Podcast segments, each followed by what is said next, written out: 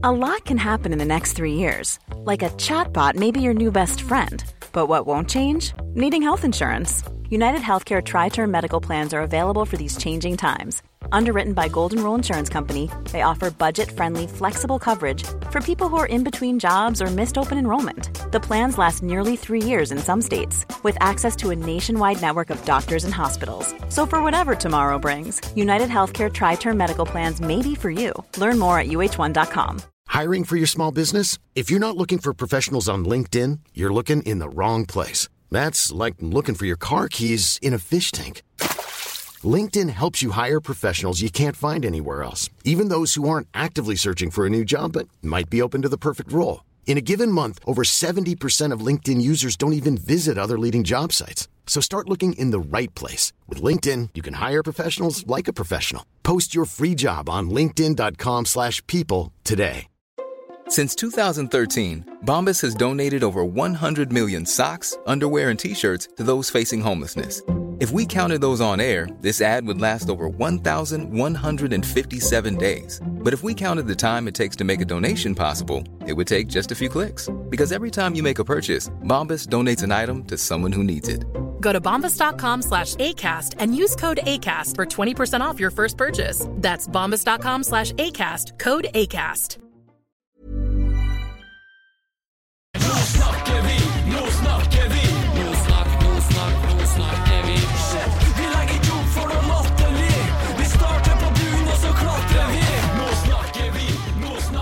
Eh, Nå snakker vi episode 17.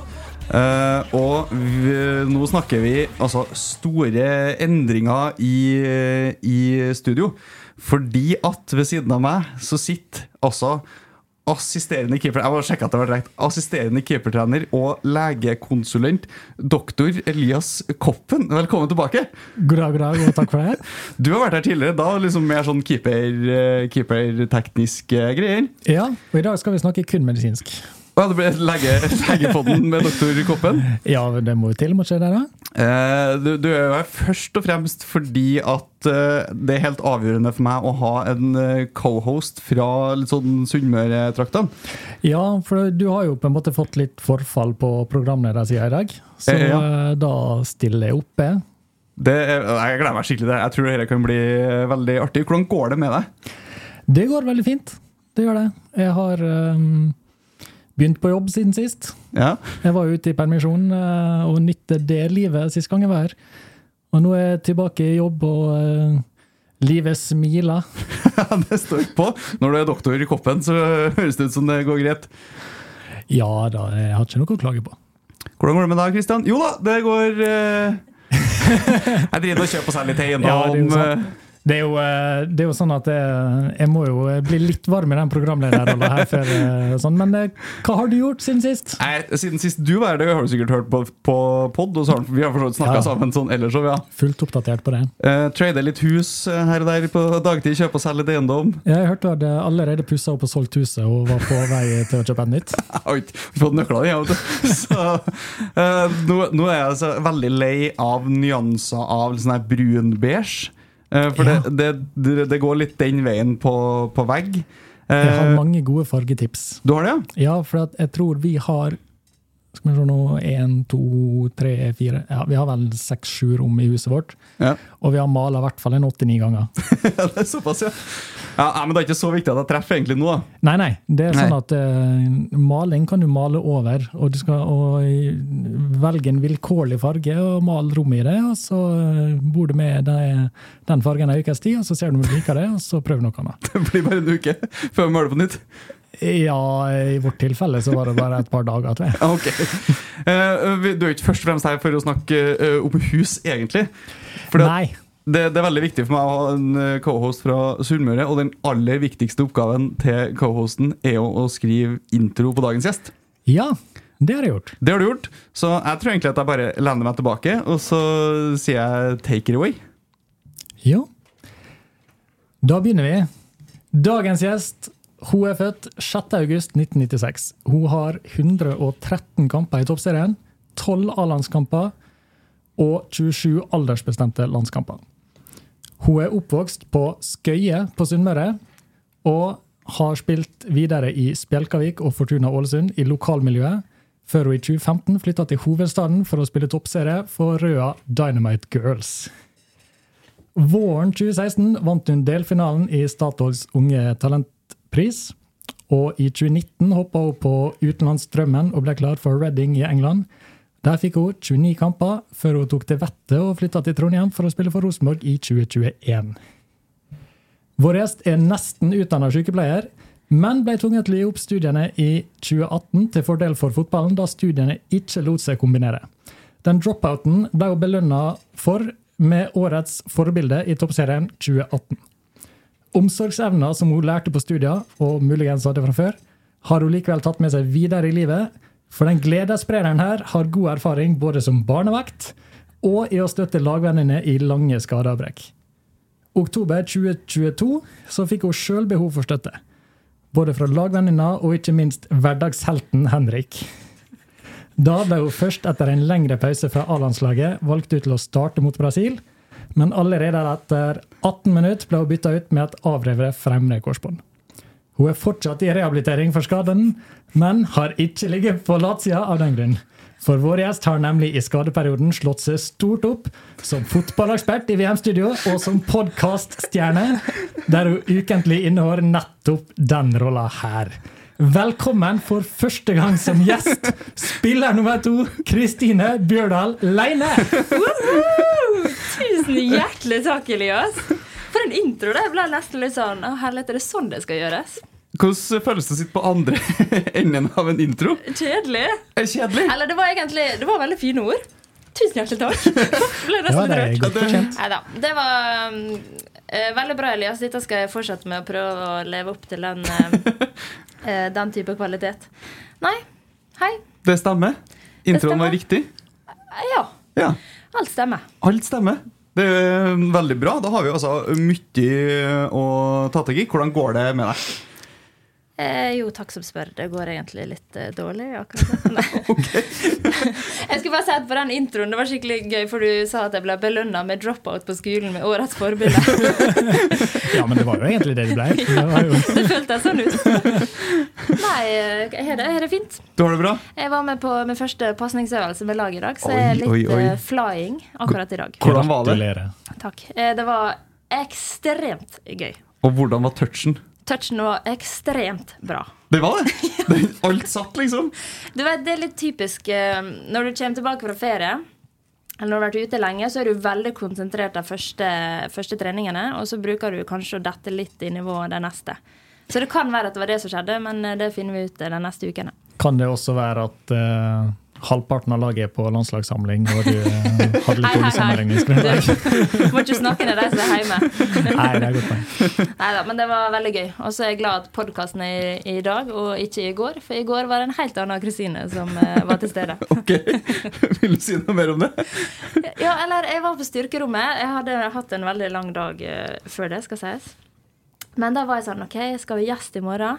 Skal jeg rett og slett skrive et langt notat om hvordan det å være korsbåndskada? For jeg satt der i gymmen under midt i en um, hva det sånn beinpressøvelse. Noe som jeg begynte å, å hate nå etter uh, noen måneder. Så sa jeg åh, skal bare skrive en trist eh, novelle eller historie om hvordan jeg var skada. Men så i dag var jeg litt uh, bedre humør, så da droppa jeg den. Du spilte litt ball og liksom er, er litt opp der i dag? Ja, nå er jeg snart kampklar, føler jeg. Så da er vi Ja, med. det er veldig bra. Så, eh, rask, rask opptreningsfase når du først er i gang. Ja, Det spørs nok hvem du spør. da. Hvis du spør meg, så er jeg snart klar. Hvis du spør fysio, så heller hun meg kanskje litt tilbake. Hvis du spør dok doktor Koppen. Doktor Koppen er nok enig med det medisinske personellet i Rosenborg. Ja, Medisinsk personell er utrolig kjedelig folk. altså. ja. Doktor Koppen er vel ikke kjent for å presse folk tilbake altfor tidlig. Uff, nei, men la folk få spille fotball. Han er vel kjent som en mer sånn traust og kjedelig person, han er Koppen. Det høres veldig ut som det. Dette skal bli en episode, sier jeg. Vi, må, vi må rett og slett bare komme i gang. Siden sist så har vi spilt match borte mot Røa. Og en ting er at vi så Rosenborg-Røa i, i TV-ruta, men det var også fryktelig mye Kristine Leine det det? i monitor. Jeg vet ikke, Du har en sånn her eh, evne til å havne på TV. Ja, det ligger vel eh, latent i blodet mitt, da. Nei, jeg satt nå sikkert i hvit uh, poncho, da. Det er helt riktig. Ja. Eh, men vi må, vi må prate litt om eh, matchen. Og eh, det, jeg, tror du, jeg tror du har forberedt deg litt eh, på det her, Elias? ikke? Ja, altså forberedt og forberedt, men eh, det er jo en kamp der vi uh, skåra mål igjen. Det har vi gjort eh, nå egentlig eh, den siste perioden. Men vi Vi skåra tre flotte mål. Flotte i form av at vi utnytta utnytta svakheten til motstanderen, syns jeg, da, og vi tar vare på eh, de sjansene. Vi er ikke så flinke til å ta vare på de andre sjansene som vi skaper sjøl, egentlig. Det, det, er mye fint spill og uh, gode innlegg og uh, tråkke på ballen på bakre stolpe, men uh, det skjer vel et par ganger i løpet av kampen. Men um, det er tre fine mål. Cecilie, Sara og Emilie som Og det kommer jo av at vi skaper sjansene, da. At vi nesten får det Vi er veldig nære å skåre flere mål. Og det, det, er ikke en fantastisk fotballkamp, men vi gjør jobben. Og så spesielt deilig på en dag der Vålerenga spiller uavgjort og Lillestrøm spiller uavgjort. De som puster oss i nakken bak. Og nå leder vi serien pga. at de ikke klarte å gjøre jobben, og vi vant. Og Røa er et vanskelig bortelag. Ja, de mener jeg og som du sier, altså, vi er serieledere nå, med tre poeng. Mm. Det er sju matcher igjen. Det er lenge igjen, da, så vi skal liksom ikke si at uh, Nei, nei, men det er jo det er bedre å ha tre poeng Altså å lede med tre poeng enn å ligge tre poeng bak. Å, veldig, veldig, veldig deilig. Eh, hvordan oppleves matchen fra tribuneplass? Nei, egentlig litt sånn som jeg sier. Det er ikke Vi, vi vinner veldig fortjent. Det er det ingen tvil om. Men eh, jeg setter å oss spille bedre, og jeg setter å oss spille dårligere. Men eh, vi skåra tre mål, og det var det vi skulle gjøre. Så enough said. Og vi holder nullen. Det er jo viktig. Absolutt. Eh, vi plusser på eh, målforskjellen. Vi er nå fire mål bedre enn Vålerenga, tror jeg. Det er ganske bra i forhold til i fjor, for i fjor så skårte de andre lagene ekstremt mange mål. Mm. Uh, vi har faktisk fem mål. Jeg, jeg, måtte inn og sjekke. Vi har skåra 50 og sluppet inn 10, pluss 40. Mens Vålerenga har pluss 35. Ja. Så da begynner det nesten å bli et sånn ekstra, ekstra poeng der også. Om det skulle ende likt på poeng, så har vi, har vi litt målforskjell eh, å gå på. Og det har vi sett, hvert som om det var i fjor eller forfjor, der vi, vi kom en plass ned pga. målforskjell. Stemmer ikke det? Jo, det kan være det. Og det er vel bare et par år siden vi tapte seriegullet på målforskjell ja, ja, ja. Eh, også, mot, mot nettopp eh, Vålerenga. Mm. Uh, så det har vært en god uke sånn uh, Rosenborgs uh, Totalmessig så er jo det her helt optimalt. Altså, og både Vålerenga og LSK de tape to poeng på overtid. og Lyn hadde et vakkert mål. Åsane var vel et dødballmål, tror jeg. Åsane var på dødball, corner, ikke Jo, med keeperen i boks, så det blir jo Stemmer. mål av sånt. Ja, vi vil ha mer keeper i boks? Nei, ikke Nei. for oss. Eh, vi skal ha avgjort kampen eh, før eh, Vi skal ikke ligge under på overtid og måtte ha behov for å sende keeper opp. Nei. Det skal ikke vi. Vi avgjør før det. Absolutt. Uh, bare ta det, Vi har snakka om Vålerenga. Jeg er egentlig dritlei av Vålerenga-gjengen. Uh, men jeg, jeg kjente jeg var litt sånn her ha-ha når de uh, trekker Real Madrid i Champions League-kvalik. Ja, tenk det. Nå får de samme som vi hadde i fjor. De har jo fader meg kopiert kvaliken til Rosenborg. De har liksom møtt Minsk og Celtic. Det har Rosenborg møtt de siste par årene, og så trekker de nå Real Madrid. jeg, bare, jeg håper Vålerenga ryker skikkelig ut mot Real Madrid. Det, det, er noe rart. Det er nesten så jeg skulle tro at at det oppsettet fra Uefa er basert på at det er få klubber i toppdivisjonene rundt omkring. Nå tenkte jeg jeg skulle begynne med sånne Uefa-konspirasjoner med sånne trekninger rigga. så, så, langt vil jeg ikke gå. Men, eh, men, det kan hende at, vi, eh, at det rett og slett er et symptom på at det ikke er så mange klubber som går gjennom den eh, like pathen. At det ikke er så sterk konkurranse i de andre, andre landene. Og da er jo sannsynligheten høyere for at vi trekker de lagene, vi som er Eller de som kommer på andreplass i toppserien. Mm. Og hva vi tror Minsk er dritlei av å reise til Norge, eller? De har, har vært i Trondheim to, to, ganger i kvalik, og så får de forbanna Vålerenga. De bare sånn, det er bare booke tur til Norge, så vet de helt akkurat hvor i Norge de skal, men det kan de bare løse. Det har tidligere vært litt vanskelig for dem å komme seg til Norge òg, tror jeg. Jeg tror de måtte komme seg til Polen først, og så fly derfra pga. krigen og sånn. Det er noe Hviterussland og noe greier der? Ja, et eller annet. Stemmer. Så nei, Nå har de jo papir, innreisepapirer til Norge i orden. Tredje året på rad her nå til ja. norgetur, så nå bør de bedre begynne å kan det. Uh, Brann trukket Glasgow City. uh, hvis jeg husker riktig. Et lag eh, et par plasser bak Celtic på tabellen. Et Celtic-lag Vålerenga sleit med å slå, måtte ha straffekonk der. Så vi må kanskje anta at Glasgow City er et litt svakere lag enn Celtic, og at Brann egentlig har OK grunn til å være ganske fornøyd med den, den trekninga. Brann bør vel ha gode muligheter til å, eh, til å gå inn i et gruppespill nå, ja. Irriterende at Brann klarer å, men jeg tenker heller, heller Brann enn Vålerenga. Altså. Ja, jeg er faktisk litt enig i det. Jeg tror de jubla når de så den trekninga. Det, det her er liksom en kamp de skal vinne. Og så er det bare for Rosenborg nå bli topp to, helst seriemester. Og så skal vi bedre på her tida neste år. Sitte og snakke om liksom Rosenborg-eventyret ute i Europa. Vi skal bare kvitte oss med Minsk i kvalikrunden først. der Det er bare å vinne ligaen, så kvitter vi oss med Minsk. vet du. Ja, det gjør vi kanskje. For da går vi inn i Champions Pass, og da Sånn møter er vi eh, vinnerne eh, i de Ja. svakere ligaene i Europa. Sånn at det er absolutt en fordel å vinne ligaen. Da tenker jeg at vi går for det. Det, det må vi kanskje sende en melding til Steinar Lein og, og informere han om, sånn at han får Ja. oppjustert ambisjonsnivået for høsten. Ja, for Han gidder bare å vinne ligaen hvis han får lettere kvalikvei i Champions League. Ja, det tror jeg. Ja, det tror jeg. Eh, Du sendte meg en melding på turen hit Elias, eh, om at vi måtte også ta en liten sånn landslagsrunde. For as we speak så spiller norske U23-landslaget mot England. Det stemmer. Der har vi Synne Brønstad og Sara Hørte fra start. Mm. Var det riktig? Har vi noe resultat uh, gående? Mens du sjekker resultatet, så kan Lene fortelle at du kjenner jo en engelsk spiller på U23-landslaget. Ja, for en lang historie dette her skal bli. Mens han sjekker. Nei, jeg kjenner spissen. Jeg tror hun starta på benk, om vi så det. Ja. Men uh, hun eh, spilte med i Reading, og hun har gått i Westham nylig. Så det er en god og rask spiss. Ja. Og høy. Så Og høy. En liten sånn utfordring for Sara Hørte der, kanskje? nei. Nei. Sara Hørte er Og bedre. Emilie Brakstad. Emilie Brakstad, det er Sara Hørte Emilie Brakstad i midtforsvaret her. Det er det, så um... Vi er ganske solide akkurat der, tror jeg. Jeg tror ikke England skal 0-0. basere seg på innlegg. Nei. Det er 0-0 til pause. 0-0 til pause. Eh, vi må, vi snakka vel om det sist også. Vi har spillere på det norske A-landslaget. Og det står faktisk ikke i notatene mine, så her må dere hjelpe meg å huske på hvem som er her.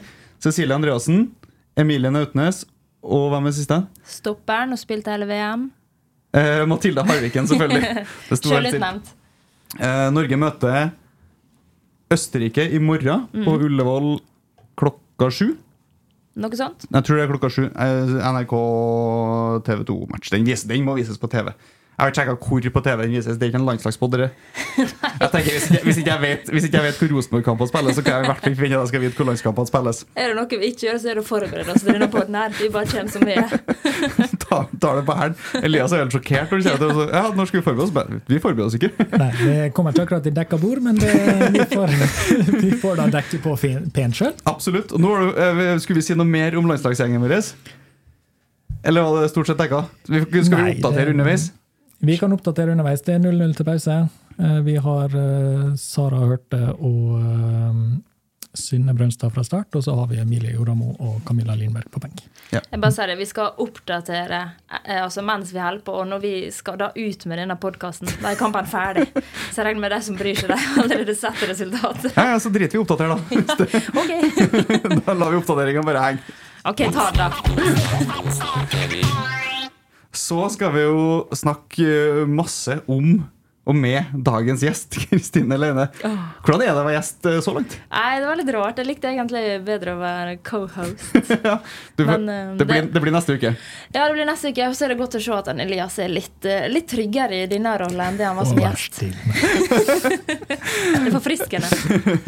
uh, vi, vi begynner karrieren din Kristine, fra starten. Når begynte du å spille fotball? Var du tidlig et fotballtalent?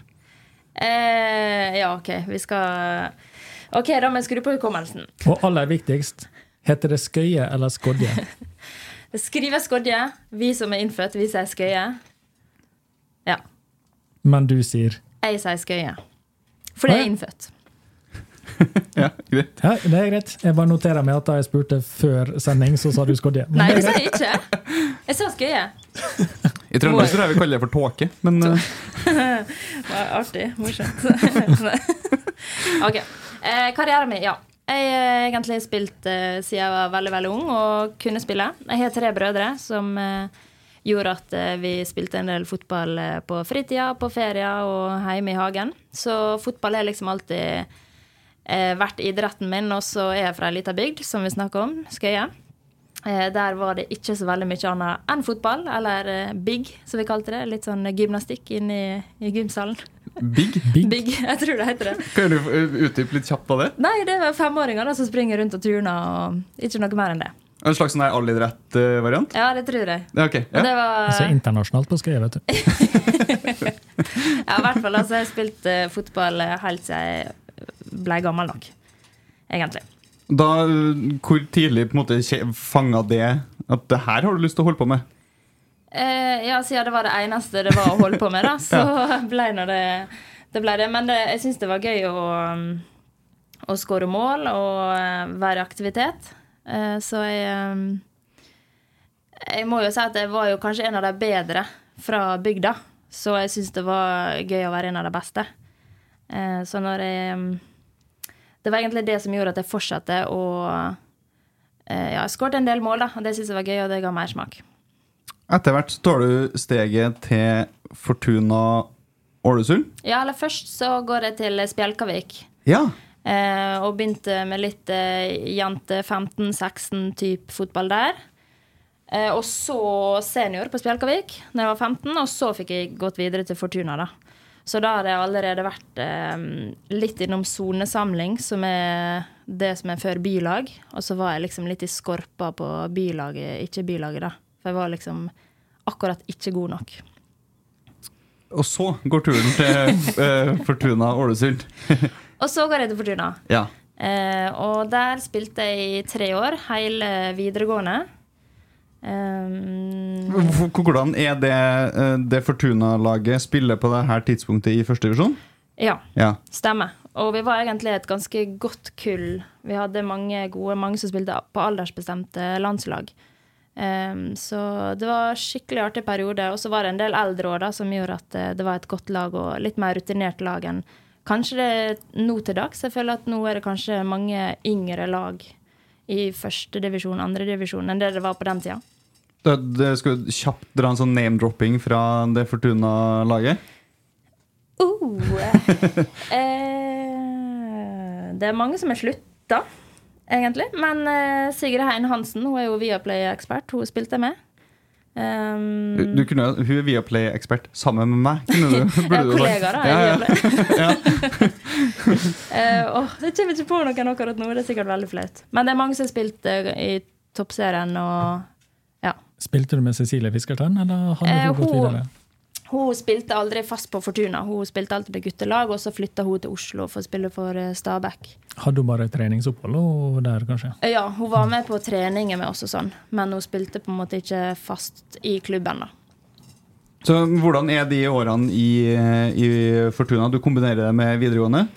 Ja, det var tre ekstremt hektiske år. Det tok jo en time med buss til og fra. Så jeg var jo oppe i seks dragere. kom til um, Sunnmørshallen, som det heter. Trente der i en time fra eh, sju til åtte eller åtte til ni, husker ikke. Rett på skolen. Gikk uh, idrettsfag, så vi hadde fort uh, idrettsfag på den skolen. Så det var enten gymnastikk eller styrke eller en annen idrett. Big? Big, kan man også kalle det. uh, og så var det da ettermiddagstrening. Så dagene gikk i ett. Så jeg var vel ute av døra i halv sju, seks-halv sju-tida på morgenen. Og var hjemme kanskje åtte-halv ni på kvelden. Så det var egentlig bare å ta med seg et brød og pålegg og komme seg gjennom dagen. Men det var veldig gøy, og man har jo kanskje en del mer energi enn det jeg hadde hatt eh, i dag, tror jeg. Men eh, ja, det var heavy. Er det på det her tidspunktet du på en måte kjenner at det her jeg virkelig har lyst til å holde på med? Eh, godt spørsmål. Jeg er litt sånn Jeg tror så lenge jeg syns det er gøy, og så lenge jeg føler at jeg mestrer det, så fortsetter jeg. Eh, og det vil ikke si at jeg har hatt dårlige perioder, jeg har hatt eh, veldig mange av dem. Men eh, det har på en måte vært min identitet da, å spille fotball og prøve å bli bedre. Og, og så har jeg fått muligheter underveis som har gjort at det, det hele tida har vært noe mer å holde fast i. Um, så um, når jeg fikk eh, etter Fortuna da, og jeg var ferdig med videregående, så fikk jeg muligheten til å gå til Røa. Og dit gikk jeg på amatørkontrakt, fordi jeg hadde vært der ei uke og trent, og så hadde de bestemt seg at eh, de ville ha meg på laget. Og så skulle jeg da på en måte få bevise om jeg var verdt en proffkontrakt eller ikke. da.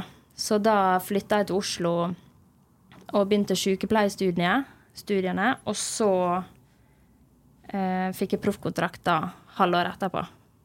Her, her, det går fort. Her er mye å ta tak i, kjenner jeg. Eh, for det, eh, altså, flytter du til Oslo for å spille fotball? Begge deler. Ja. Jeg flytta til eh, Oslo egentlig for å ta det neste steget, fordi jeg hadde kanskje kunne tatt neste steget litt tidligere. Men siden jeg valgte å fullføre videregående, så ble det mer naturlig å flytte når jeg var ferdig med det. da. Og det er jeg veldig glad for i dag. Um, så det var egentlig det som gjorde at jeg flytta. Og så var det sykepleierstudiet i Oslo, så det passer nå fint. Man var jo litt avhengig av å studere for å, for å leve. Og skal vi, vi, Du nevner det flere ganger her. Vi tar jo vi tar sykepleierstudiet. Elias uh, snakka litt om det i, i introen også. For det er jo virkelig din første anledning til å vise deg fram i riksmedia. ja.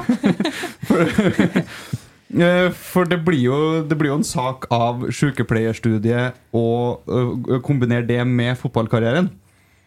Ja, for et uh, rot, først og fremst. Det, var, mm, det gikk veldig bra de første åra. Eller det første året, for det var mye um, teoretisk. Så da gjorde det ingenting om at jeg var borte fra forelesning, eller forelesninga var åtte til fire, så hadde jeg trening på ettermiddagen. Så det var ingen problem. Så det første året, ett og et halvt år, det gikk veldig bra. Og så begynner praksisen. Og da må jeg begynne å um, hva det heter, kombinere og Tilrettelegge og planlegge litt? Ja, mm. veldig mye. Uh, og praksis, det er jo det er jo vanlig arbeidstid, og det er turnusarbeid, så det er da morgen, kveld, noen netter. Og det gikk egentlig fint. Um, de første praksisene fordi at jeg planla det med veileder. Og veilederne der var veldig flinke til å hjelpe meg og tilrettelegge, og de støtta meg, heia på meg. Så det gikk bra, selv om det var ekstremt tungt å jobbe. Altså Det var også en periode der jeg sto opp fem-halv seks for å komme meg på praksis. Eh, gå på beina hele dagen eh, på en sykehjem, f.eks. Komme på trening klokka fire, så vidt fått i meg mat, kanskje spist en bar på veien. Um, og så komme og skulle yte på trening. Eh, så det var ekstremt tungt, men jeg fikk det til å funke. Og så kom det en um, sykehuspraksis på Diakonhjemmet, der jeg gikk, da. Uh, og da bestemte jeg meg for at nå trenger jeg hjelp. Jeg går til ledelsen og spør kan dere være snill hjelpe meg. Jeg orker ikke å gå og planlegge og kombinere sjøl lenger, for det, det, blir for tungt. Og da Det var da smellen begynte, da, fordi ledelsen de har sine regler, og de skal følges uansett hva. Da er ledelsen på det sykehjemmet du jobber på? På skolen. På skolen, selvfølgelig. Så det er skolen som setter seg imot meg, og vi er i mange møter. Jeg får med meg landslaget. For hovedproblemet er jo at jeg er jo med på A-landslaget. Vi er på samlinger i ti dager i strekk. Flere ganger i løpet av denne praksisperioden. Eller kanskje bare ei eh, praksis... Eh, hva skal jeg si Ei samling i løpet av praksisperioden. Men ifølge reglene til eh, skolen så skal man være på jobb da 36 timer, eller en sånn arbeidsuke, da. Selv ja. om det ikke ble fulgt opp i andre, andre uke. Og det var heller ikke mulighet til å tilrettelegge for at den praksisen kunne tas utenom samlinger eller uh, i andre perioder av året? sånn å forstå? Ja, det var helt umulig for dem. Vi kom med forslag til uh, alt vi kunne få til, men uh, det skulle gjøres likt som alle andre. Det skulle ikke være noe spesialbehandling, da. Så det var veldig vanskelig på det. og ja, hadde egentlig ingenting å si hvem jeg tok med meg fra Olympiatoppen eller landslaget. Det, det gikk bare ikke an. Og så kom ei anna uke der jeg skulle jobbe og da var det plutselig veilederen min som var borte, og da hadde jeg to vakter i løpet av ei uke. Og da kan man begynne å tenke seg var de reglene så veldig viktige når det ikke gjaldt eh, andre veien. Mm. Når det var veilederen som var borte, så kunne ikke jeg heller jobbe fordi veilederen min ikke var på jobb. Men det var gyldig fravær? Det var gyldig fravær, da. Ja. Så det var, ja, det var nå én sak. I hvert fall så var det veldig rot. Og um, jeg reiste på A-landslagssamling. Det ble mye ståhei i media om alt, egentlig. Men uh, jeg kom på samling og trodde at alt var greit. Og så når jeg for på samling, så får jeg melding av eh, Jeg husker ikke om det var en lærer eller skoleledelsen om at eh, nå må jeg begynne praksisen på nytt. Fordi at jeg hadde reist og hadde ikke avklart. Og jeg trodde jeg hadde avklart. Så det var egentlig starten på at jeg tenkte at dette her gidder ikke lenger. Og så fikk jeg midtevaluering som ikke var så veldig positiv etter hvert. Eh, der de mente at jeg ikke på en måte ga nok eller hadde nok eh, ja, energi til å være med og ikke var villig til å lære nok, da. Og da var jeg allerede på felgen. Jeg var halvveis på fotballen, jeg var halvveis på studiet. Jeg strakk liksom ikke til noen plass. Så etter den midtevalueringa så gikk jeg hjem, hylgrinende. Ringte mamma og pappa og sa at uh, jeg orker ikke mer. Jeg er helt, helt utblåst. Og da skjønte de det, for jeg hadde stått på veldig lenge. Jeg hadde jo nesten gått tre år for å fullføre nesten to. Så dagen etter så gikk jeg til læreren min og sa at jeg er ferdig. Og så prøvde han, for han var jo veldig, han heia på meg, så han prøvde å få meg til å fortsette kanskje neste semester, eller noe sånt, men da, da var jeg ferdig. Det, det høres jo veldig rart ut som fortsatt at det her skal være en sånn case som man ikke kan tilpasse, tenker jeg. Ja, veldig. Og så må jeg si at den skolen jeg gikk på, den var veldig A4 og veldig um, nøye på disse her reglene, da. Jeg fikk et tilbud fra en skole i Drammen etterpå, uh, hvor jeg kunne fullført der. Uh, men da fikk jeg et tilbud fra England for å spille fotball, så da måtte jeg velge.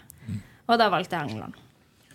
Ja, for det, Nei, kjør, Elias. Oi, Kjør, oi, Elias. oi, Nei, kommunikasjonsproblemer! nei, det, det er sånn går det an å bytte kaos. Kjør, Elias. Kom igjen. sånn er det når eh, programlederen intervjuer sin eh, vante programleder og glemmer at her er en til. Kjør, Elias. Ja, nå kommer jo eh, Nei da. Eh, Kom igjen. du presser sånn. Ja. Uh, det jeg tror jeg husker å skulle spørre om, uh, var jo at uh, Fy Nå kom han ut av det. Filler'n, nå det bare å kjøre Du får bare kjøre den jingelen din. Altså. Mista, mista det fullstendig. Det forsvant helt ut. Det ble satt ut. Beklager.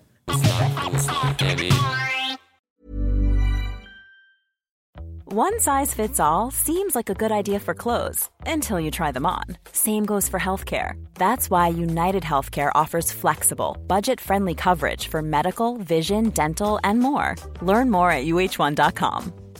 I'm Sandra, and I'm just the professional your small business was looking for. But you didn't hire me because you didn't use LinkedIn jobs. LinkedIn has professionals you can't find anywhere else, including those who aren't actively looking for a new job but might be open to the perfect role, like me.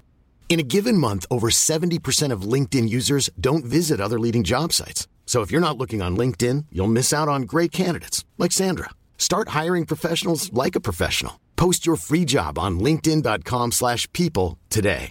Mom deserves the best, and there's no better place to shop for Mother's Day than Whole Foods Market. They're your destination for unbeatable savings, from premium gifts to show-stopping flowers and irresistible desserts. Start by saving 33% with Prime on all body care and candles. Then get a 15-stem bunch of tulips for just $9.99 each with Prime. Round out Mom's menu with festive rosé, irresistible berry chantilly cake, and more special treats. Come celebrate Mother's Day at Whole Foods Market.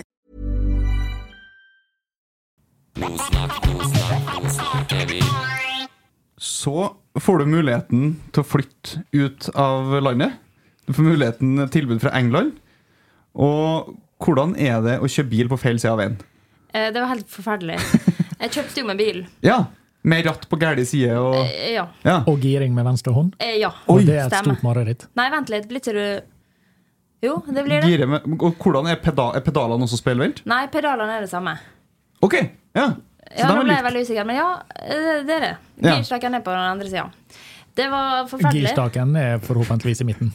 Ja, den er i midten, Ja. men det blir jo da på andre sida. Eller? Nei. Det var helst du som sitter på andre siden. Jo, men det, det var det. Ja. For det var rart å begynne å gire med, med, feil, med feil hånd. uh, og så kjøpte jeg meg bil, da, så fikk jeg med meg ei fra Island som hadde bodd der et år. da, Så hun var med på rettlede. Men det begynte jo med at jeg kjørte på eh, feil side av veien. Ja. Altså feil for det engelske. ja. Og Hvordan funker det? Det, da ble det en del tuting. Ja.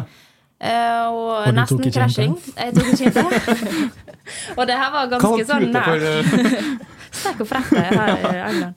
Nei, så ble Tenkte mange sikkert at det var den nye stjernestatusen i Reading, som fysøren fy søren, folk kjenner meg igjen allerede. Jeg vet det, og i hvert fall med den bilen jeg kjøpte med en Peugeot liten en. Den var helt rå. Min, min største frykt for å kjøre bil i England er rundkjøring. Eh, ja, takk For da må for man jo at, eh, kjøre altså Man må jo på en måte inn gæren vei i rundkjøringa. Ja, ikke bare det. Nei. Men rett utafor der jeg bodde, der var det fem felt i ei rundkjøring. Ja. Så du måtte ligge i riktig felt når du skulle ut av da utgang nummer seks i Ja. rundkjøringa. Det var helt forferdelig. Og det var der jeg fikk mest uting. Hvordan der fungerer det? Altså, er, det sånn, er det fem felt inn og ut, eller er det skifte av felt Nei. i rundkjøringa på vei ut? Det er to felt inn, da, ofte. Eller eh, altså én vei inn. Og så sprer den seg ut i fem. Gir det mening? Jeg er veldig dårlig på å forklare. Det er én vei Altså, Prøv å se det for meg. du kommer fra en vanlig vei. Så kjører du inn i en rundkjøring, og så bretter den seg ut i fem felt. Så du må kjøre inn i ett av de fem feltene for å ligge riktig, for å da komme deg ut dit du skal. Ja, Ja. da skjønner jeg. Eh, og der holder jeg på å bli påkjørt en del ganger. Ja. Men det gikk bra. Jeg sitter her i dag. Ja. Men eh, det var traumatisk. Ja. ja. Vi, vi må, skal vi snakke litt om fotballen Ja, det kan vi også gjøre. Ja. Eh, jeg, jeg prøver liksom å spørre alle sånn, Den første gangen man får høre om interessen fra en annen klubb, hvordan, hvordan dukker det opp på telefonen din, eller hvordan får du høre den første interessen fra, fra Reading? Jeg var ute og gikk, og så fikk jeg en telefon fra agenten min. Eh, og han sier at det, det er et um, interesse, og eh, vet ikke om det var tilbud, men det var i hvert fall interesse om at Redding hadde lyst på meg. Og det første er jo at jeg får en svær klump i magen. Det er bare sånn Oi, nå kan det bli forandring. Eh, dette er fort noe jeg kanskje må takke ja til, fordi man angrer. Gjerne når man får sånne muligheter. Man får ikke sånne muligheter eh, hele tida. Så det første Jeg får er den klumpen i magen og um, må da hjem til typen og fortelle at eh, jeg har fått et tilbud og hører hva han eh, sier. Og han sier selvfølgelig at jeg skal reise. Og da blir det sånn Men vil ikke du ha meg i Norge? Ja, for, for han, han sier ikke eh, 'vi må reise'. Nei, nei. Han sier 'du må reise'. Ja, du må reise, og helst nå. Endelig får litt fritid. Ja. ja, endelig kan han få være alene. Nei, så um, det er jo litt frem og tilbake. Jeg tenker jo en god del, men uh, tilbudet eh, blir bra til slutt. Og um, jeg velger å reise, og um, det er ekstremt skummelt. Men uh, det blir jo et sånt eventyr, da, som man reiser på. Um, jeg følte på en måte at steget fra toppserien det var Jeg kunne ta steget, jeg var klar. Jeg hadde spilt i toppserien i tre år og følte at jeg mestra det. Og når jeg fikk det tilbudet, da, så, så viste det at de veldig gjerne ville ha meg. Fordi jeg hadde vært der en tur for å bli kjent med dem litt. Og, og følte på at de hadde en plan for meg, da. Så jeg er glad at jeg tok sjansen. Hvordan er Reading som, eh, som klubb på det her eh, tidspunktet? Da er det en midt på tabellen-klubb. Litt sånn på femteplass, rett bak alle disse topplagene. Chelsea, Arsenal, um, United. Men ja, vi gjorde det ganske greit. Det var ikke Hva jeg skal si Jeg, jeg får lønna til å leve av fotballen der nede. eh, Og det er på en måte en, mer enn jeg opplevde i Norge. Men når jeg kommer dit, så kommer jeg ikke til dekka bord. Jeg må fortsatt finne meg plass å bo sjøl. De kunne hjelpe meg, men jeg var ikke helt fornøyd med forslagene jeg fikk, så jeg måtte finne meg leilighet sjøl. det begynte med at jeg bodde i noe som heter Players House. Der bodde det tre-fire spillere fra før. Og så bodde jeg da i kjelleren der enn så lenge, da, i to-tre uker før jeg fant meg leilighet. Så, og det var ikke seng der engang, det var ei bitte lita madrass eh, på gulvet. Og der var det edderkopper. Og de som kjenner meg, at jeg er livredd for edderkopper. Så det ble mange våkne netter og mange mareritt. Men eh, jeg fant meg leilighet til slutt. Og eh, Amalie Eikeland, som eh, kom fra Sandviken da, hun flytta også til Reading. Lisa Marie Utland kom etter hvert. Så vi ble til slutt tre norske der, da. Så det var noe jeg satte veldig stor pris på, i hvert fall. Jeg og Amalie vi delte leilighet, og Lisa bodde rett over gangen. Så vi ble en liten gjeng. Dr. Koppen, eh, madrass i kjeller med edderkopp og, og litt sånn restituering og optimalisering for fotballspillere? Det er jo eh, sånt vi anbefaler til nye spillere i Rosenborg. De, bo, de bor i kjelleren på Koteng Arena. Ja, helst et bygg med kjeller, da, men eh, inn i det tekniske rommet der, kanskje. Det, nei, det er ikke helt optimalt, det er klart. Så lenge man er tak over hodet. Ja, det, du var ikke fornøyd med leiligheten, men så lenge vi har tak over hodet, Så så er det greit. Hvordan, hvordan er tida di i, i Reading? Den eh, ble jo påvirka en god del av korona, da. Men jeg rakk å være der åtte-sju-åtte-ni måneder før det kom. Eh, Så det begynte egentlig veldig bra. Det tar jo litt eh, tid før man tar intensiteten og tempoet til, eh, til det som allerede er der. Men eh, etter hvert så følte jeg at det gikk bra, og jeg fikk eh, starte kamper og følte at jeg ble veldig godt tatt imot. og Engelsk humor, og i hvert fall det vi hadde på det laget, det passa meg veldig veldig godt. Kan du si litt om det? Ja, det er litt sånn eh, drøy humor, litt på kanten. Mye latter, banter, som vi sier. Eller vi sier, som de sier. Eh, der man eh, kødder med hverandre og har denne her garderobekulturen, da. Eh, og den syns jeg er ekstremt morsom. Eh, og det kan være at den blir for tøff for nordmenn av og til, men eh, eh, den syns jeg var veldig artig. Og det gøyeste var at på en måte trenerne var med på det også, og spillerne var med på det. Eh, og så var det mm, Det var en del eldre spillere på laget mitt, så det var mange rutinerte med, med drøy humor, da. Så det, jeg satte veldig pris på det. Dra litt name-dropping fra, fra den Reading-troppen nå, eller? Eh, Jade Moore spilte der. Hun har spilt på landslaget. Farrah Williams er jo kanskje den største profilen. Hun har vel flest landskamper i England.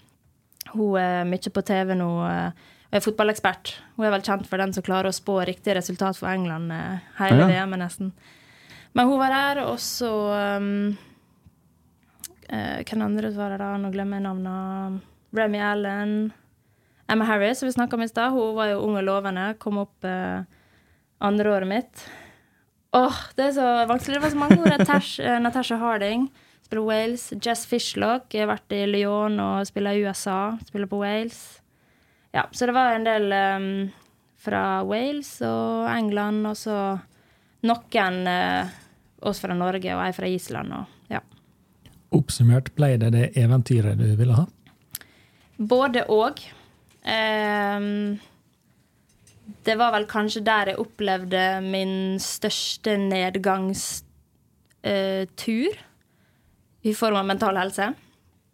Um, uten å gå sånn veldig hardt inn på det, så gikk jeg på en liten smell. Um, men eh, det kom rett før korona slo til, så det passa egentlig veldig bra at korona kom da, fordi da fikk jeg reise hjem i tre måneder etter hvert. da. Ehm, som hjalp meg veldig til å komme på riktig plass igjen.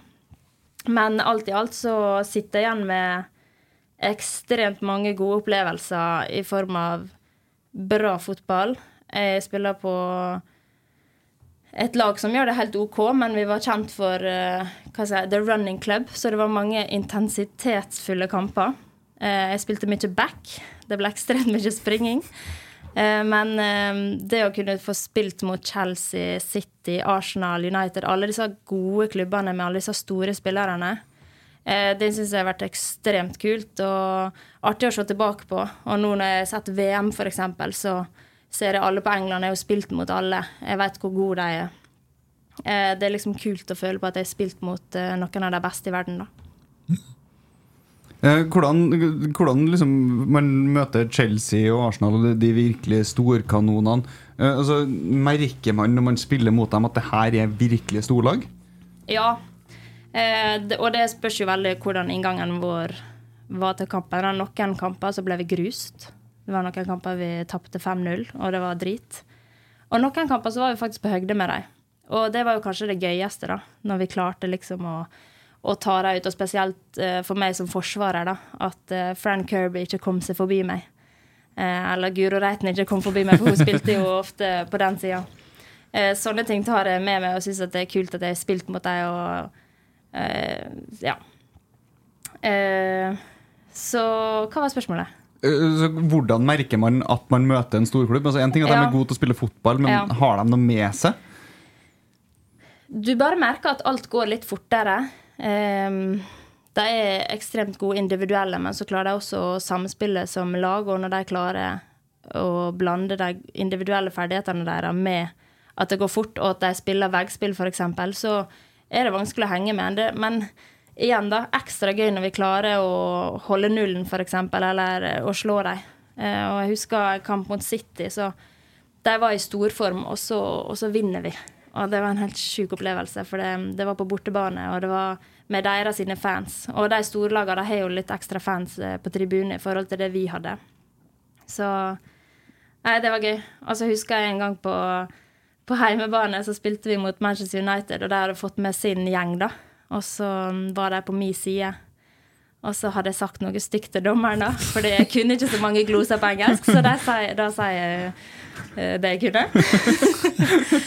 og da husker jeg at hele denne Manchester United-gjengen på sida der da begynte liksom å bue og, og hoie. Det husker jeg tilbake på. Jeg syns det var veldig gøy, da. Må prøve å få til noe sånt i Norge etter hvert her òg, tenker jeg. Ja, men det hadde vært kult hvis det ble sånn etter hvert. For etter en stund i Reading så uh, antar agenten din tar kontakt igjen og sier at nå har Rosenborg kommet på banen. Mm. Hva, hadde du klump i magen da også? Eh, nei, ikke på samme måte. Eh, da var jeg egentlig veldig fornøyd med å ha vært i utlandet i to år. Det var jo ikke gitt at jeg skulle være der eh, de to årene jeg hadde skrevet kontrakt under, med tanke på at eh, det ble litt tøft underveis. Um, og så fikk jeg tilbud om å fortsette der, så det var jo også en del av tankeprosessen. Men um, når Rosenborg tok kontakt, så For det første så var det en veldig fin prat med Steinar. da, Fikk vite hvordan klubben tenkte, og hva han tenkte, og hvordan de ville ha meg i laget. Eh, men det som var kanskje skumlest, var å flytte til Trondheim, og ikke tilbake til Oslo, der jeg var kjent, og der jeg bodde før, og hadde alle vennene mine. Jeg kjente jo ikke det i dag, Kristian. Nei, nei, nei, så du kan ikke sitte og riste på hodet. Nei, Det var sjokkerende at noen eh, er nervøs for å flytte til Trondheim. Men ok. Nei, men å flytte til en plass der jeg ikke har mine, da. Ja. Eh, og kjæresten min bodde heller ikke her. Nei. Han uh, hadde et år igjen på Østlandet som han skulle fullføre, så da ble det å flytte hit alene. Men uh, jeg likte veldig godt det jeg så av Rosenborg. Måten vi, eller de da, spilte på. Uh, noe som gjorde at jeg fikk lyst til å spille for det laget. da. Fordi fotballen vi spiller kontra det andre lag spiller, syns jeg er mye, mye kjekkere. Hvordan er det å komme inn i, i Rosenborg-garderoben? Helt forferdelig. Nei da, jeg har jo hatt kjennskap til flere, så det gikk egentlig veldig fint. Men det er jo alltid noe med det å skulle eh, komme til en helt ny garderobe. Du skal finne din plass. Eh, og for det første så må jo man begynne da å finne seg plass å bo da òg. Det er jo alltid litt stress med å komme til en ny by. Kjelleren på Koteng Arena? Var oppfølginga der bedre eller uh, dårligere enn i Reading? Fikk du noe hjelp? Nå må jeg prøve å tenke. hva var sikkert Malin, da. um, nei, faktisk. Jeg bodde i um, leiligheta til søstera til på laget. Ja. Så det ordna seg veldig greit etter hvert. Så jeg bodde først med, med søskenbarnet mitt uh, en liten periode, og så flytta jeg dit. Så det gikk veldig fint. Det var ikke noe å sove på gulvet eller mye edderkopper og sånn. Så akkurat det løste seg fint. Men det er jo alltid sånn når man er ny i en klubb, så, så skal ting uh, dette på plass. Og det gjorde jeg etter hvert. Det var godt å høre. Og så har vi, eh, har vi Jeg får snakke litt som representant for trenerteamet, så har vi faktisk eh, også lagt litt vekt på at det skal være gøy å spille for Rosenborg, i form av at det skal være en attraktiv spillestil og spillemåte for spillerne. At det skal være gøy å spille fotball, og at det skal være eh, givende. Også for så vidt gøy for publikum å se. Så det er jo veldig fint at det også fremstår som et sånn lukkemiddel. Jeg skulle spørre mer om det, liksom, det banter med trenerteam og sånne ting. Hvordan er det i, i Rosenborg kontra Reading? Ja, nå har vi en brite Ja, vi har en brite i, ja, i trenerteamet nå, da, sånn at uh, man holder den litt gående der. Og så er ikke det Det er ikke på samme måte. Nei. Men uh, man har jo fortsatt litt humor, da. ja. Prøver i hvert fall. ja. Eh, det kommer inn et uh, Rosenborg som da også på en måte går godt og, og presterer bra. Hvordan, hvordan, er det å spille seg inn i, inn i troppen? og hvordan på en måte opplever hele den kalde oppstartsfasen da, i Rosenborg, sånn, kanskje først og fremst fotballmessig? Man har jo alltid litt press på at man føler at man skal spilles inn med en gang. I hvert fall når man blir henta hjem som en utenlandsproff-type. da. Eh, så jeg husker at jeg kjente litt på det at jeg ikke presterte med en gang. Eh, jeg er ofte en spiller som trenger litt tid. Eh, komme meg inn i en klubb, eh, komme meg inn i en spillestil, få tillit av trenere for å prestere. prestere. Så det tok litt tid før jeg kom inn i laget, hvis jeg husker riktig. Men eh, Jeg forsto på en måte hvorfor jeg ikke spilte. Fordi de som var ute på banen, de presterte veldig godt. Vi vant mange fotballkamper. og Det er ikke bare å skulle bytte ut spillere da, når man gjør det bra. Så jeg husker at jeg kjente på det at eh, jeg var en liten skuffelse fordi at jeg er blitt henta hjem, og så sitter jeg på benken. Men eh, jeg følte at jeg gjorde alt jeg skulle på trening. Jeg, jeg la ikke meg nedpå eller surmulte. Jeg var, var kanskje sur inni meg og for meg sjøl, men ikke rundt laget, da. Um, og gjorde det jeg kunne for å få fortjent en plass når den tid kom, da. Eller når plutselig blir det en skade, eller eh, det kommer en mulighet at man eh, da tar den. Jeg skulle i hvert fall ikke Det skulle i hvert fall ikke stå på meg at jeg ikke fikk spille. At det var min attitude eller at jeg slapp meg ned på som gjorde at jeg ikke fikk spille. Så den skuffelsen du kjenner på, er noe du på en måte kjenner på uh, sjøl og inni deg, mer enn at du kjenner på det fra omgivelsene? Ja, absolutt. Um, jeg har jo alltid vært min største kritiker, og, og sånn uh, er det nok for mange. Så det var min um, Det var jeg som la det press på meg sjøl. Um, og nå veit jeg ikke om det er derfor jeg kom kommet meg dit jeg kom kommet meg i livet, men uh, ja.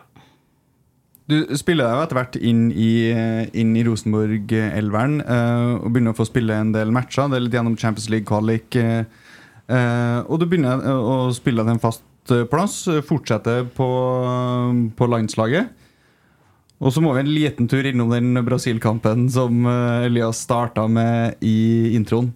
Uh, vi snakka litt om med Mathilde Rogde om det sist også. for der ryker korsbåndet. Mm.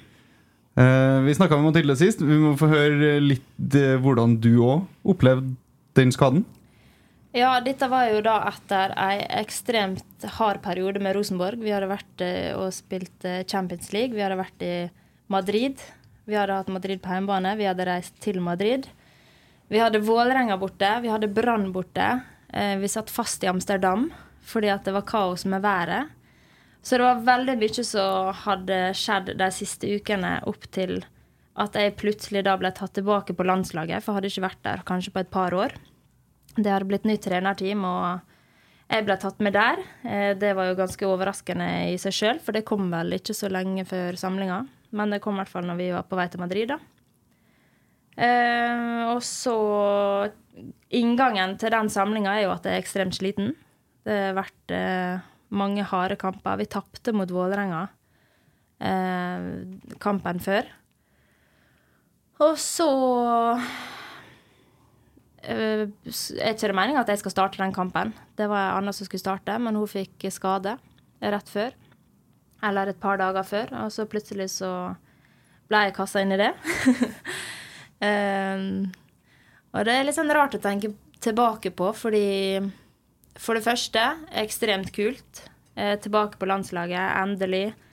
Eh, skal spille på Ullevål for første gang. Skal spille mot Brasil. Kult.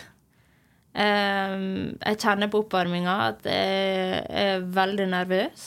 Litt sånn uh, ikke til stede. Litt sånn uvanlig. Jeg bruker egentlig å være ganske skjerpa, men jeg var litt sånn eh, rar i hodet. Jeg syns bana er dritdårlig egentlig. Den kjennes ut som en myr. Jeg føler jeg synker. og så føler jeg aldri at jeg får kontroll over det. Eh, og så begynner jo kampen, da. Eh, og jeg føler at det er litt kaotisk. og så tror jeg faktisk at det bare var 11-12 minutter eh, det går før jeg går inn rart i en takling, for det første. Jeg tror ikke jeg hadde gått inn sånn i en takling hvis jeg hadde vært helt våken og uthvilt og klar for kamp. Så går jeg da ut med utsida av foten inn i um, en takling for å gå foran, og så kommer hun uh, angriperen fra Brasil da og treffer mitt kne. Så foten står fast, men kneet går da innover. Uh, og jeg kjenner med en gang at uh, det er noe som popper. Det er det første. Ikke sånn at det er ekstremt vondt, men jeg kjenner at det er et eller annet som skjer, og så får jeg en da smerte i kneet. Og så tenker ikke man over det, men mange i hvert fall så ryker korsbåndet har et sånt ekstremt hyl idet man, uh, man kjenner at noe skjer i kneet. Og dette husker ikke jeg sjøl, da. Men jeg har jo opplevd at uh, andre lagvenninner har røket det og husker det hylet, og det setter seg i kroppen. Så jeg har hatt et sånt hyl Eh, og kampen har fortsatt litt, men alle spillerne prøver å få tak i dommeren og sier at hun skal stoppe kampen. Eh, og etter hvert så gjør de det, eh, og jeg får løgge og summe meg litt. Og så går jeg da ut av banen. Jeg går sjøl. Og så begynner jeg å tenke å herlighet, overdrev jeg nå? Var jeg litt vel dramatisk? For det plutselig så kjennes det ut som kneet helt fint. Det er ingenting som er hovna opp ennå. Det er på en måte ingenting. Det er jo bare noe som røker inni der, sant? så man merker jo ikke det med en gang. Eh, og så sier jeg til fysioene, for de skal til å ta meg av banen, så sier jeg vent nå litt. Vent litt nå, nå må vi tenke litt. Det kan være at jeg fortsatt kan spille. Det kan være at jeg var litt dramatisk nå. Og så ser hun fysioterapeuten på meg, og så sier hun ja, OK, men uh, ta en sprint, da. Og så ser jeg på henne med helt sånn forskrekka øyne. Er du helt gal? jeg kan jo ikke det. og så begynner jeg å prøve litt, men jeg kjenner jo at det er jo helt uaktuelt. Og det er der jeg tror man får kanskje en liten sånn traume, da. At eh, det er et eller annet som har skjedd, og man er helt, ja, man er helt ute av det, da. Så jeg blir tatt av eh, med en gang og, og sitter på benken hele første omgang. Og så, når vi går inn i pauser, da, så driver jeg og sjekker eh, korsbåndtesten, da. Eh, men jeg får på en måte ingen svar der. Og går egentlig og føler at det har vært skikkelig dramatisk nå. nå, nå har jeg blitt bytta ut etter elleve minutter, fikk starte en kamp på Ullevål, og så mm, er jeg tilbake neste kamp, liksom. Eh, og jeg blir intervjua, husker ikke om det var TV 2 eller noe sånt, etter kampen, og spør hvordan det går. Jo, det går egentlig veldig bra, jeg tror, jeg tror det skal gå fint, jeg. Så jeg var veldig positiv, og så husker jeg at jeg satt i bussen med Amalie Eikeland da, på vei tilbake til hotellet. så setter meg med og så sier jeg sånn Jeg fikk flashbacks til en gang jeg skada meg i Reading. Eh, fordi da fikk jeg Da røyk jeg to leddbånd i ankelen. Og det er veldig, veldig vondt. Men du trenger på en måte ikke de leddbånda ankelen, skulle jeg si. Det holder med stabilisering. Men da hadde medisinsk personell kommet ut med lystgass. Altså, jeg hadde ligget og skreket. Jeg hadde skreket sånn på den banen. Jeg hadde trodd jeg hadde knøkket foten, og det var helt forferdelig. Hylgrein. Fikk lystgass, ble båret ut med båre. Det var utrolig dramatisk. Båret inn i ambulansen. Fysioen kommer inn og tar av meg foten, og jeg er veldig sånn forskrekka. Å nei, nå er noe galt skjedd. Og så finne ut at den er ikke knøkket. Dette her kommer til å gå bra, liksom. Jeg var litt uh, høy på lystgass.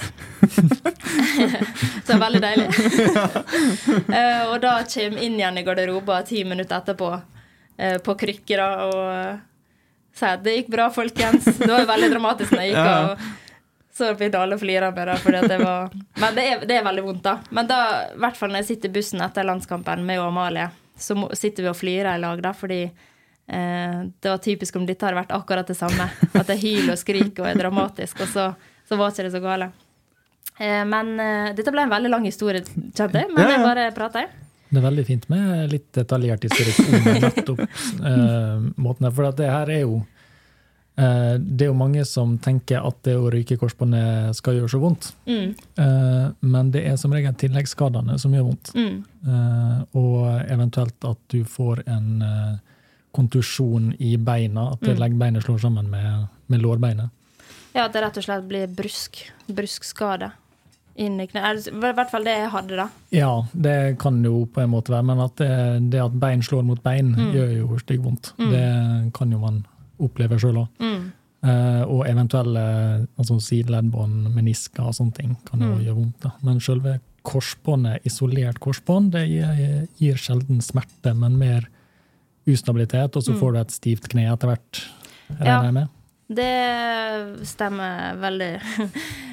Resten av kvelden så følte jeg, gikk jeg på denne her litt skammen om at det hadde vært eh, dramatisk. Men utover natta jeg sov jo ingenting hele natta. Så um, klarte så vidt å gå på do fordi at jeg hadde stivna og hovna opp. Så da var, det, da var det veldig vondt. Og så tok jeg MR eh, morgenen etterpå, eller formiddagen etterpå, da, og fikk eh, svar av fysioen, og da ja, Jeg vet ikke om det helt gikk opp med en gang, men det, det var en kjip beskjed å få, for du føler at du er aldri en av den statistikken. Du har mange Du kjenner veldig mange som er røkere, men du kommer aldri til å bli en av dem. Det var i hvert fall min tanke. Eh, og så ble jeg det, og visste kanskje ikke helt hva det gikk ut på før nå her jeg sitter. Og jeg er ikke ferdig, jeg har ikke kommet tilbake ennå, men eh, man får ekstremt mye respekt av de som har røkere og kommet tilbake og er bedre enn der jeg var. Fordi det kan føles veldig maktesløst.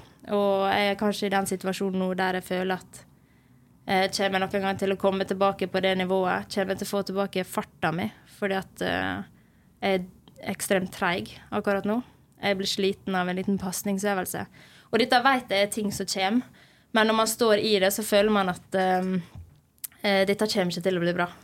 Selv om man står på og gjør alt man kan, så føles det maktesløst ut. da. Og man vet at det tar tid. Men når du står i den maktesløsheten, da er det kjekt å ha en hverdagshelt i hjemmet? Er det sånn? ja, veldig. Og han uh, løfter meg opp skulle si, når jeg trenger det. Det er mange dager jeg har kommet hjem og har vært glad å bli på Koteng Arena, fordi jeg føler at det er det jeg kan bidra med. Uh, mens han får da bitchen på hjemmebane. Jeg kan være, uh, da har jeg på en måte brukt opp den energien jeg hadde. Og hvis jeg trenger det, så lager han middag, og han um, sørger for at jeg er hydrert og ikke er sulten. Så det er veldig godt. Og så hjelper det veldig å ha andre på laget som har røket det sjøl før, for de vet hva det går i. Så når de ser at det er en tung dag, eller de ser hva jeg gjør, så har de vært gjennom det samme. De vet akkurat hvordan det føles. og det er ikke alltid lett å vite hva man skal si, men det at noen andre har vært gjennom det og kommet seg gjennom det, det hjelper veldig, da. Mm. Uh, Elias, som nå litt sånn rollen doktor Koppen. Uh, jeg føler den lista med korsbåndskader i toppserien og kvinnefotballen Det har blitt løfta litt, men det virker som det er altså Det begynner å bli et ganske sånn problem. Det, det, det, skjer med veldig veldig mange spillere. Uh, vi så jo nå sist med den Lyn-matchen. Så fikk vi vel bekrefta de siste par dagene at det, det røyk et korsbånd der også. Gjorde det? Ja, det var vel det. Ja. Mm. Det var eh, den situasjonen eh, hvor hun sklei litt framover. Men mm. ja, hun gjorde det, ja. Uh, og der har også NRK står og snakker om det i pausen med en spiller som allerede har røket tidligere. Mm. Og så får vi en ny korsbåndskade, og vi hadde Mathilde Rogde her sist. Og Kristine har nå sittet her nå Det er veldig hyggelig for podkasten at, at, du har så mye tid, men sånn, fortsatt så vil jeg at du skal bli fotballspiller igjen. Uh, langt og kronglete spørsmål. Er det et større problem i kvinnefotballen enn herrefotball? Ja. ja. Det har det alltid vært. Uh, og uh, det er først når uh, kvinnefotballen blir profesjonalisert, som det er nå, med større mediedekning, med mer profesjonelle spillere, med proffkontrakter og alt, at det her blir satt et søkelys på. Og det er viktig at det kommer fram, og det er viktig at det blir tatt opp. Og så så jeg òg sendinga til NRK fra Grorud der de uh, løfta opp det spørsmålet om vanning kontra ikke-vanning. Uh, hvor det litt halvarrogante svaret fra NFF er at forskning ikke viser at, eller, at det ikke er gjort noe forskning på vanning kontra ikke-vanning, og dermed så kan ikke de si at det her er en årsak til det. Og på en måte har de rett, fordi at um, korsbåndskader er såpass eh, som veldig mange andre skader eh, bestemt av flere faktorer. Det er sjelden én isolert faktor som er årsak. Ehm, men eh, at det, at det, er vanskelig å peke på enkeltfaktorer. Da. Men det er samtidig veldig godt Jeg vet ikke om det er dokumentert, men i hvert fall veldig god forståelse for det i fagmiljøet at friksjon er en del av risikofaktorene for det her.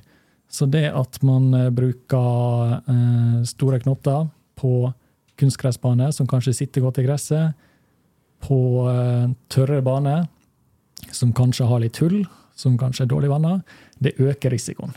Og jeg lurer på om det er nesten samtlige av korsbåndskadene vi har hatt i Rosenborg de fem åra jeg har vært i klubben, også på underlag. Da. Sånn at det, at det er en forhøya risiko ved tørt underlag, det tror kan, det tror jeg vi kan stadfeste. Men vi kan ikke vise til noe konkret forskning til det, sånn jeg har forstått det. da.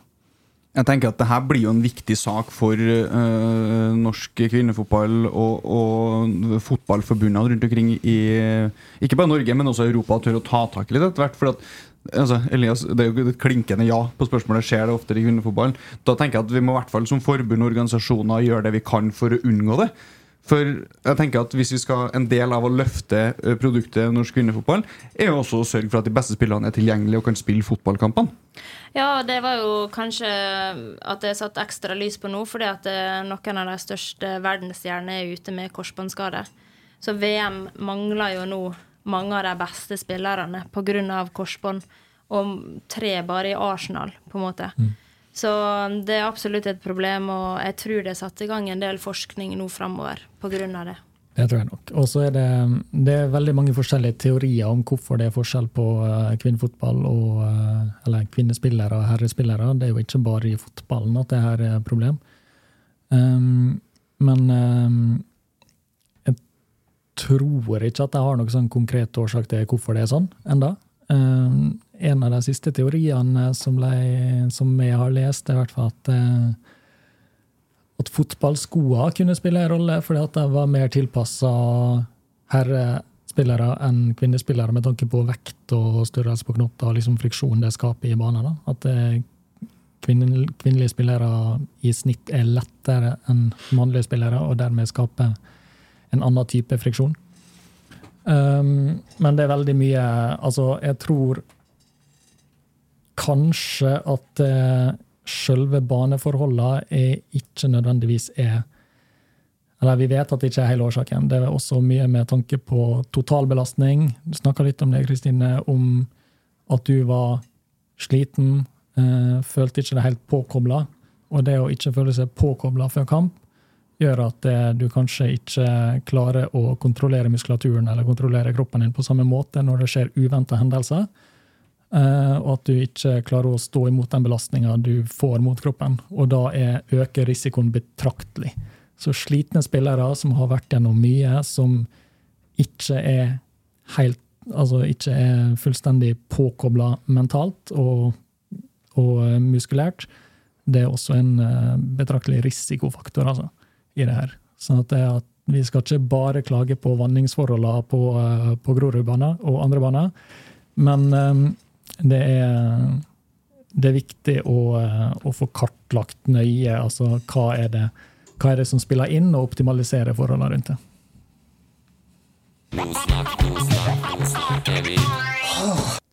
Der, der begynner Elias Koppen og tenke at én en time og fire minutter med, med podkast eh, får nok. Hvordan går det? Det går jo fint?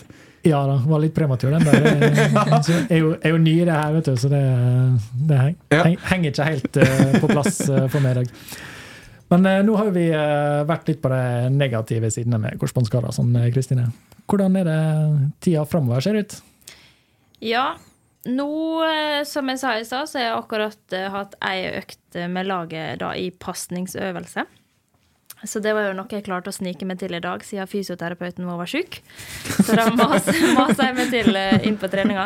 Jeg vet jo det nå i podkast. Altså, hvis hun hører på, så er jo reprimande neste gang. Ja, da har sendt henne melding. Ja, okay, okay. ja, hun var veldig positiv. Så ja. hun, eh, vi er en fantastisk fysio. Så, så det gikk veldig bra. Eh, og eh, nå gleder jeg meg egentlig bare til Eller gleder meg, det var noe veldig positivt. Men eh, det blir i hvert fall kjekt å kunne trene litt mer med laget, forhåpentligvis framover. Eh, det blir mye med fysio enda, men eh, at det er mer med laget, det gir meg veldig mye mer energi da, enn å måtte trene mye alene. Så nå har jeg i hvert fall begynt på felt, og jeg prøver å komme meg i form kondismessig. Jeg fortsetter en del i gymmen. Jeg trenger mer eh, styrke. Og så skal jeg ha en del motorikktrening framover. Altså en trening som hjelper koordinasjonen. Bare det å lære med bevegelsene og, og hoppe. Det har jeg tenkt å foreslå et par år, men eh, det er bra at det blir tatt tak i nå. ja, så det fant vi ut nå, eh, nå før helga, at det, det hadde gjort godt for denne kroppen her. Ja, men det høres veldig bra ut. Vi gleder oss til å se deg tilbake på banen. Ja, takk. Eh, bra.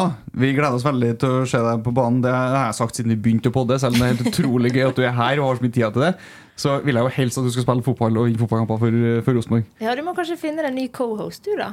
Jeg vet ikke hva, hva Jan Elias har lagt inn uh, god aksje der, eller hva tenker du? Ja, jeg synes, jo, Det har gått fint uh, som cohost i dag. Det har i hvert fall vært veldig kjekt. Så blir spent å høre hvordan det faktisk har gått. Jeg må ikke høre på det etterpå. Det er bare Dette får leve sitt eget liv etter at vi har prata. I hvert fall for min del. Så.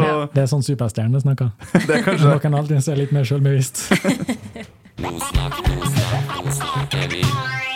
Vi har prata oss gjennom en lang og innholdsrik karriere for Kristine Leine. Eh, Vi må allerede nå oppfordre til neste hjemmekamp på Koteng Arena.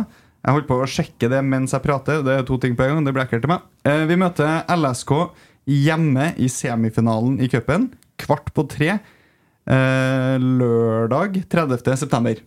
Det stemmer. Det stemmer. Uh, viktig match. Uh, jeg kjenner at jeg har sjukt lyst på en cupfinaletur. Det har vært dødsartig. Åh, same. Herlighet for en uh, tøff semifinale det først og fremst blir. LSK er i form, de er ekle å møte. Vi har tapt mot dem hjemme før, så dette her er ingen walkover. Og um, nei, dritspennende. Det blir en tøff kamp. Um, det har vært veldig mye nesten i NM de siste åra. Um, I år har jeg virkelig troa på at vi skal, uh, at vi skal ta steget inn i cupfinalen. Altså. Ja, Fytti, det har vært tøft med Oslo-tur på, helt på slutten av sesongen der. Eh, Ferne over, og det er liksom full gass hel hele helg der. Åh, jeg har faktisk vært med, ikke spilt sjøl, fordi jeg klarte å bli sjuk akkurat eh, den dagen finalen var. Men eh, det å ha ei cupfinalehelg i Oslo, du bor på hotell, du skal ut med laget etterpå, du skal ha en finalefest. Åh, det er noe med det. Det, det er kult og gøy opplevelse. Så da må vi bare håpe at så mange som mulig tar turen til Koteng Arena neste lørdag. Og, og støtter laget på vei mot uh, Oslo og Ullevål og cupfinalen. Nå ble jeg litt sånn gira bare jeg snakka om det. nå, Ja, Det har vært rått med cupfinale i, i slutten av sesongen. Så vi bare oppfordrer alle sammen til å inn og bli med og støtte laget på Koteng der.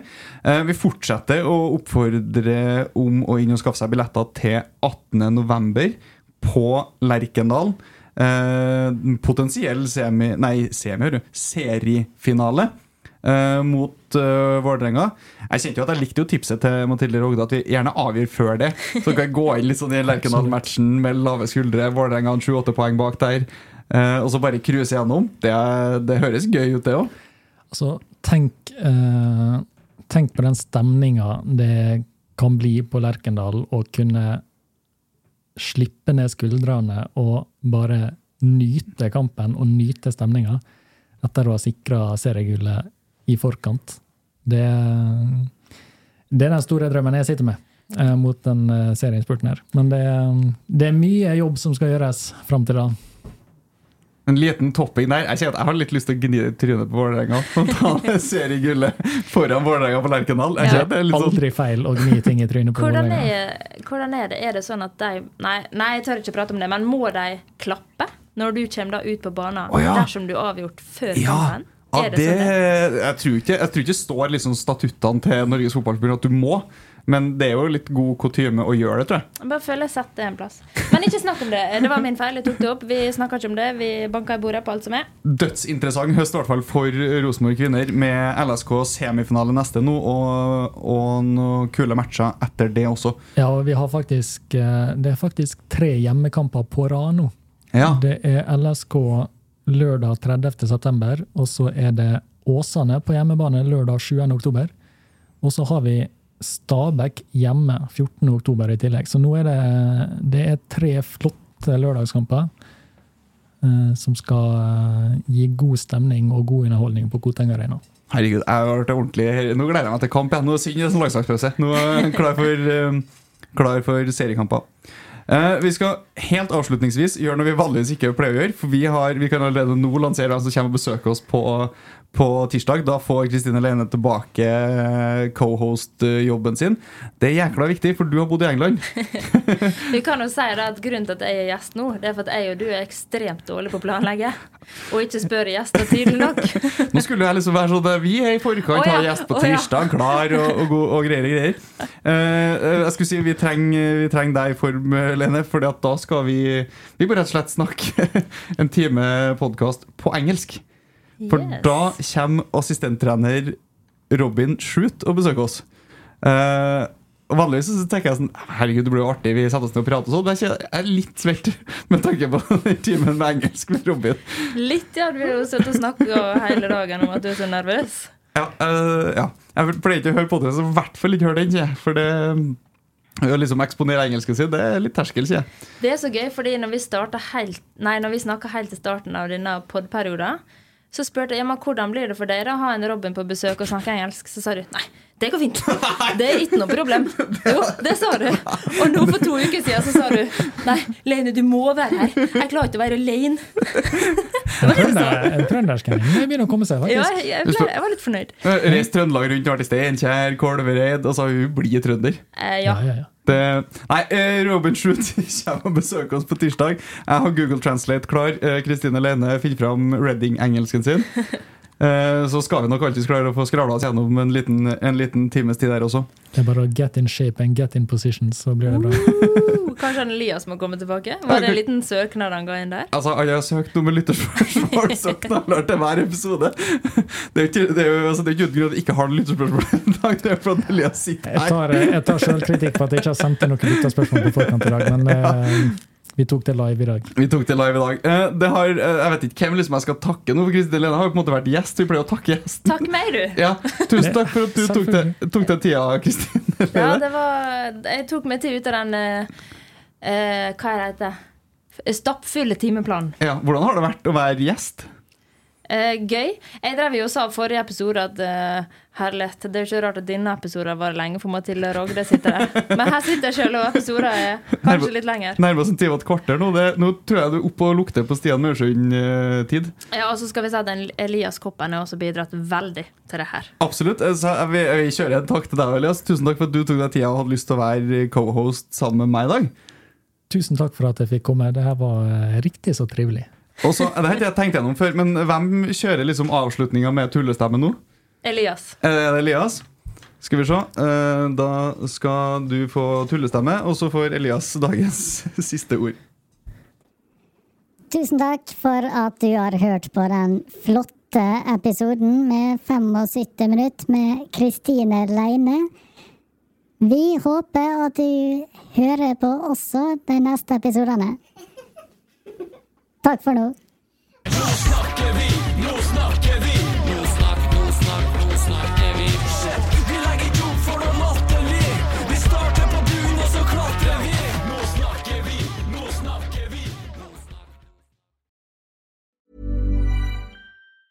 Mom deserves the best, and there's no better place to shop for Mother's Day than Whole Foods Market. They're your destination for unbeatable savings, from premium gifts to show-stopping flowers and irresistible desserts. Start by saving 33% with Prime on all body care and candles. Then get a 15-stem bunch of tulips for just $9.99 each with Prime. Round out Mom's menu with festive rosé, irresistible berry chantilly cake, and more special treats. Come celebrate Mother's Day at Whole Foods Market. Hey, it's Paige DeSorbo from Giggly Squad. High quality fashion without the price tag. Say hello to Quince. I'm snagging high-end essentials like cozy cashmere sweaters, sleek leather jackets, fine jewelry, and so much more. With Quince being 50 to 80% less than similar brands. And they partner with factories that prioritize safe, ethical, and responsible manufacturing. I love that. Luxury quality within reach. Go to quince.com slash style to get free shipping and 365 day returns on your next order. Quince.com slash style.